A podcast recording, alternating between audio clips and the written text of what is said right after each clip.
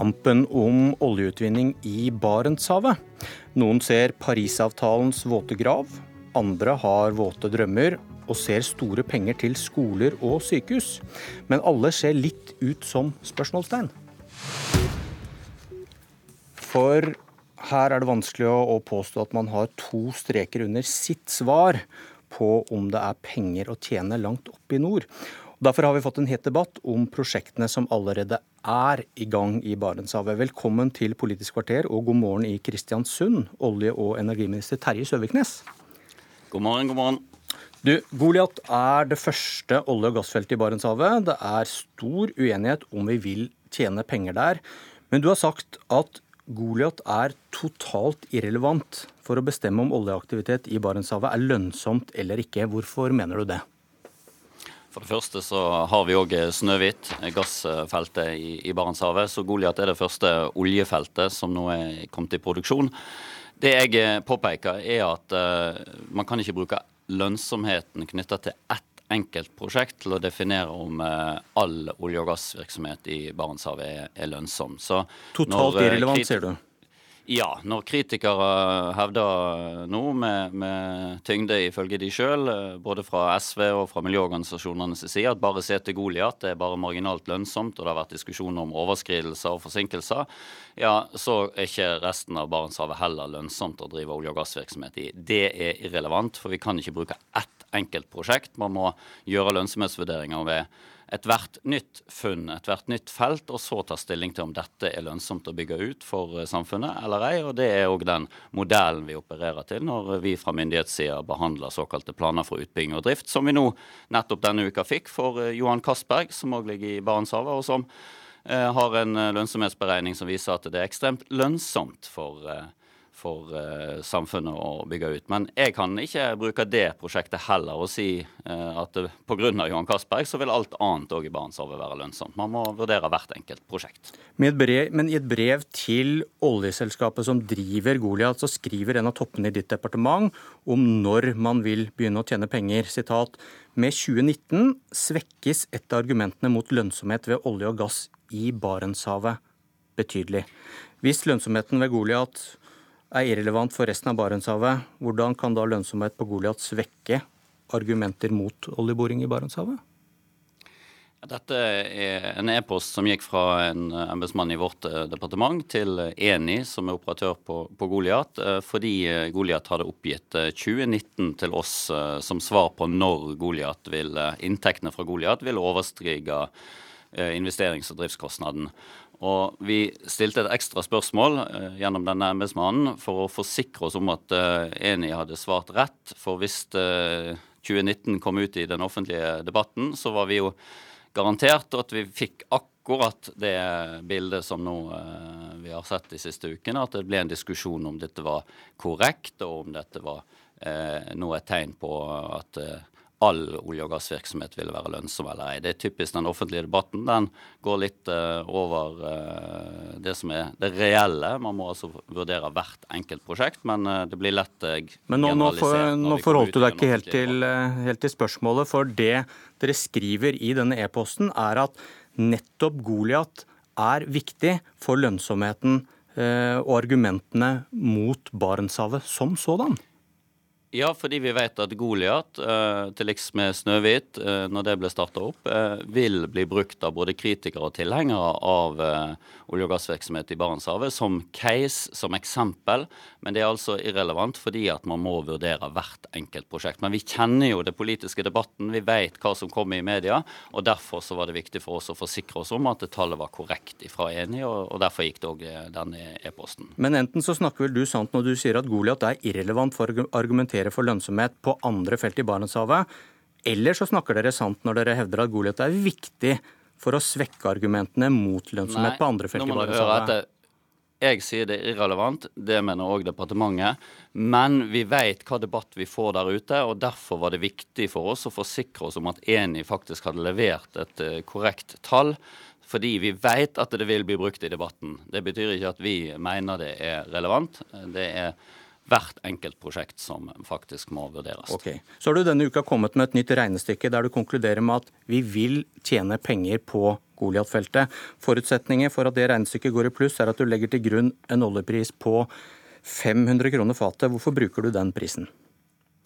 Den bruker vi fordi eh, det er dagens uh, oljepris. Uh, og når man foretar lønnsomhetsvurderinger, så er det naturlig å ta utgangspunkt i, i dagens oljepris. Det gjorde man òg tilbake igjen i 2009, når man foretok en lønnsomhetsvurdering før Goliat ble bygd ut. Da la man den gangs oljepris til grunn. I tillegg så har vi òg vurdert en oljeprisbane for årene som kommer, som er i tråd med konsensus kan du si, mellom uh, de ulike konsulentene som, som, vurderer dette. Og Den er litt høyere enn en 500. Da snakker vi om 600 kroner. Så vi har vurdert ulik oljepris, vi har vurdert ulike ressurstilgang til Goliat, og vi har vurdert ulike diskonteringsrenter og satt opp en lønns lønnsomhetsberegning som da viser at man vil få en positiv avkastning eh, på Men hva sier regjeringen om, Men, hva, hva sier regjeringen om oljeprisen for 2018 i statsbudsjettet? Der har vi en, et lavere anslag. Eh, hvorfor velger, du, hvorfor velger, du, et høyere anslag?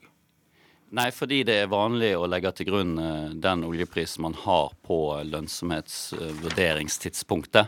Eh, og det er for øyeblikket vel 60 dollar fatet, altså vel 500 kroner fatet i, i norske kroner. Hvorfor er det et krav om 7% avkastning i slike prosjekt? Det er fordi at det er veldig stor usikkerhet når du skal ta beslutning om et nytt utbyggingsprosjekt. Da er det en uh, usikkerhet, en risiko for uh, investeringskostnaden, for uh, tidspunkt man klarer å levere prosjektet. og Derfor er det stilt et høyt avkastningskrav på, på 7 for å vurdere økonomien i hvert enkelte prosjekt. Dette er jo lønnsomhetsvurderinger som, som vi gjør, og som selskapene er pålagt å gjøre, og som ligger som en del av beslutningsgrunnlaget når vi f.eks. òg nå skal fremme Johan Castberg til, eh, til, Stortinget i løpet av våren. Hvorfor velger du et lavere når du regner på om Goliat skal bli lønnsomt? Vi har brukt eh, både 7% og vi har brukt 4 eh, Fordi at når man kommer i drift, så reduserer man jo risikoen. og da er 4% òg relevant. Og jeg registrerer òg at eh, andre som har regna på Goliat, det er jo ikke så rent få i det siste, bl.a. Eh, WWF, eh, har brukt 4% i sine beregninger.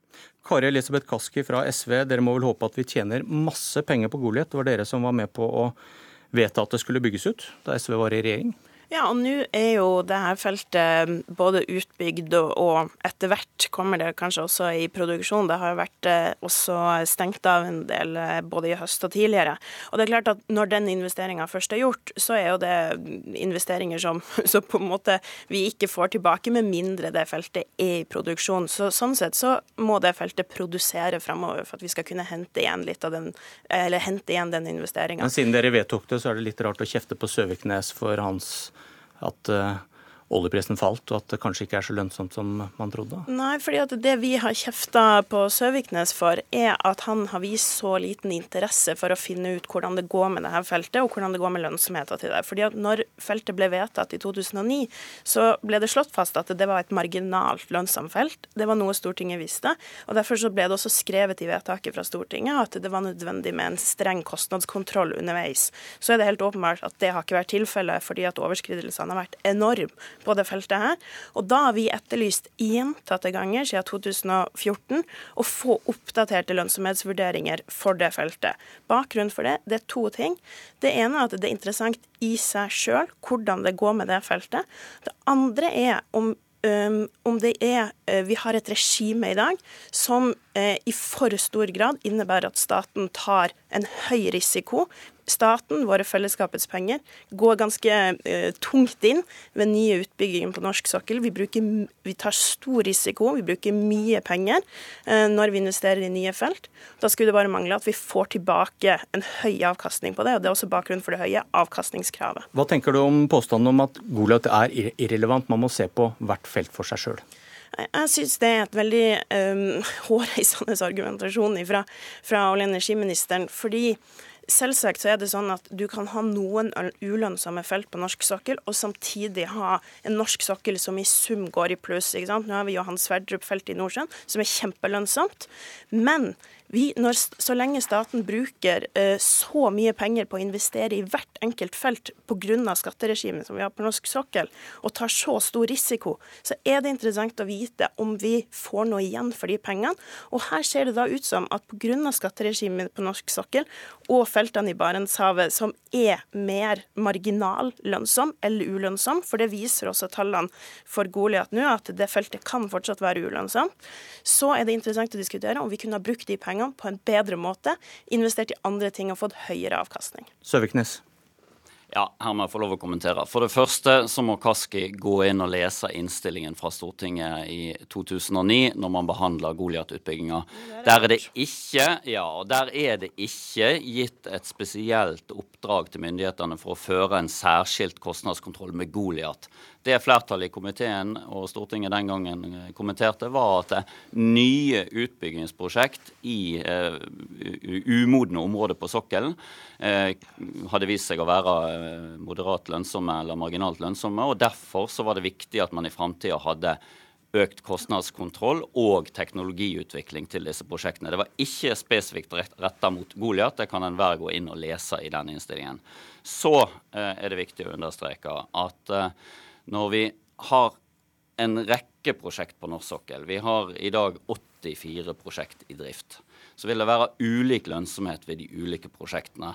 Det vi har satt opp som system i Norge, det er at man eh, skal sørge for at selskapene tar investeringsbeslutninger og setter i gang de prosjekt som er lønnsomme for selskapene, men òg samfunnsøkonomisk lønnsomme for fellesskapet. Og så skal man ikke sette i gang de prosjektene som er samfunnsøkonomisk lønnsomme, ulønnsomme. Og så har man da en høy skattesats 78% som bidrar til at fellesskapet får en stor andel av den verdiskapning som skjer eh, på norsk sokkel. Og Det er ikke sånn at eh, staten her går inn og investerer. Staten har ikke investert i Goliat. Det er det Eni og Statoil som har gjort, som selskap. Og så har man selvfølgelig da et skattesystem som gjør at man òg får fradrag for de utgiftene man har både til investering og drift av Goliat. Okay, det skulle du... bare mangle. Det gjelder for all annen næringsvirksomhet. Det må òg gjelde for oljeselskapet. Kaski, et annet sted i Barentshavet skal Johan Castberg-feltet bygges ut. og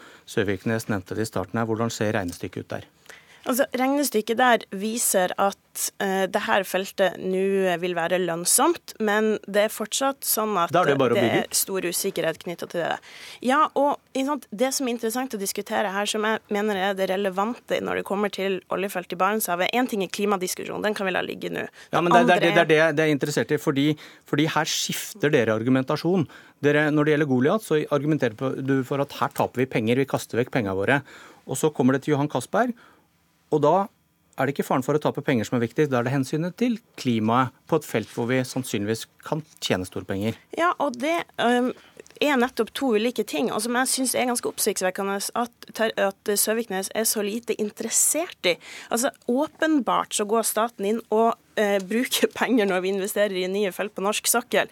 Eh, og vi vil ha av, altså Det er relevant å diskutere om man får avkastning på de pengene, og det er relevant å diskutere hva det er som skjer i energimarkedene men, for tida. Men, dere, ikke sant? Men, så, vent, litt, vent, litt, vent litt. Når dere snakker om Johan Castberg-feltet, så sier dere at olja må ligge. Vi har funnet for mye fossile brensler til at vi kan ta det opp. Eh, hvorfor er ikke det argumentet godt nok? Svekker dere ikke den argumentasjonen ved å begynne å snakke om lønnsomhet? For da kan man si en du da overbeviser om at uh, dette er ikke lønnsomt. Så kommer du til et felt som er lønnsomt. Da skifter du argumentasjon, og så bruker du klimaargumentet. Nei, jeg mener det er litt ulike ting. fordi vi vil eh, ikke bygge ut nye felt på norsk sokkel, men det har vi lyst til å styre gjennom konsesjonsregimet.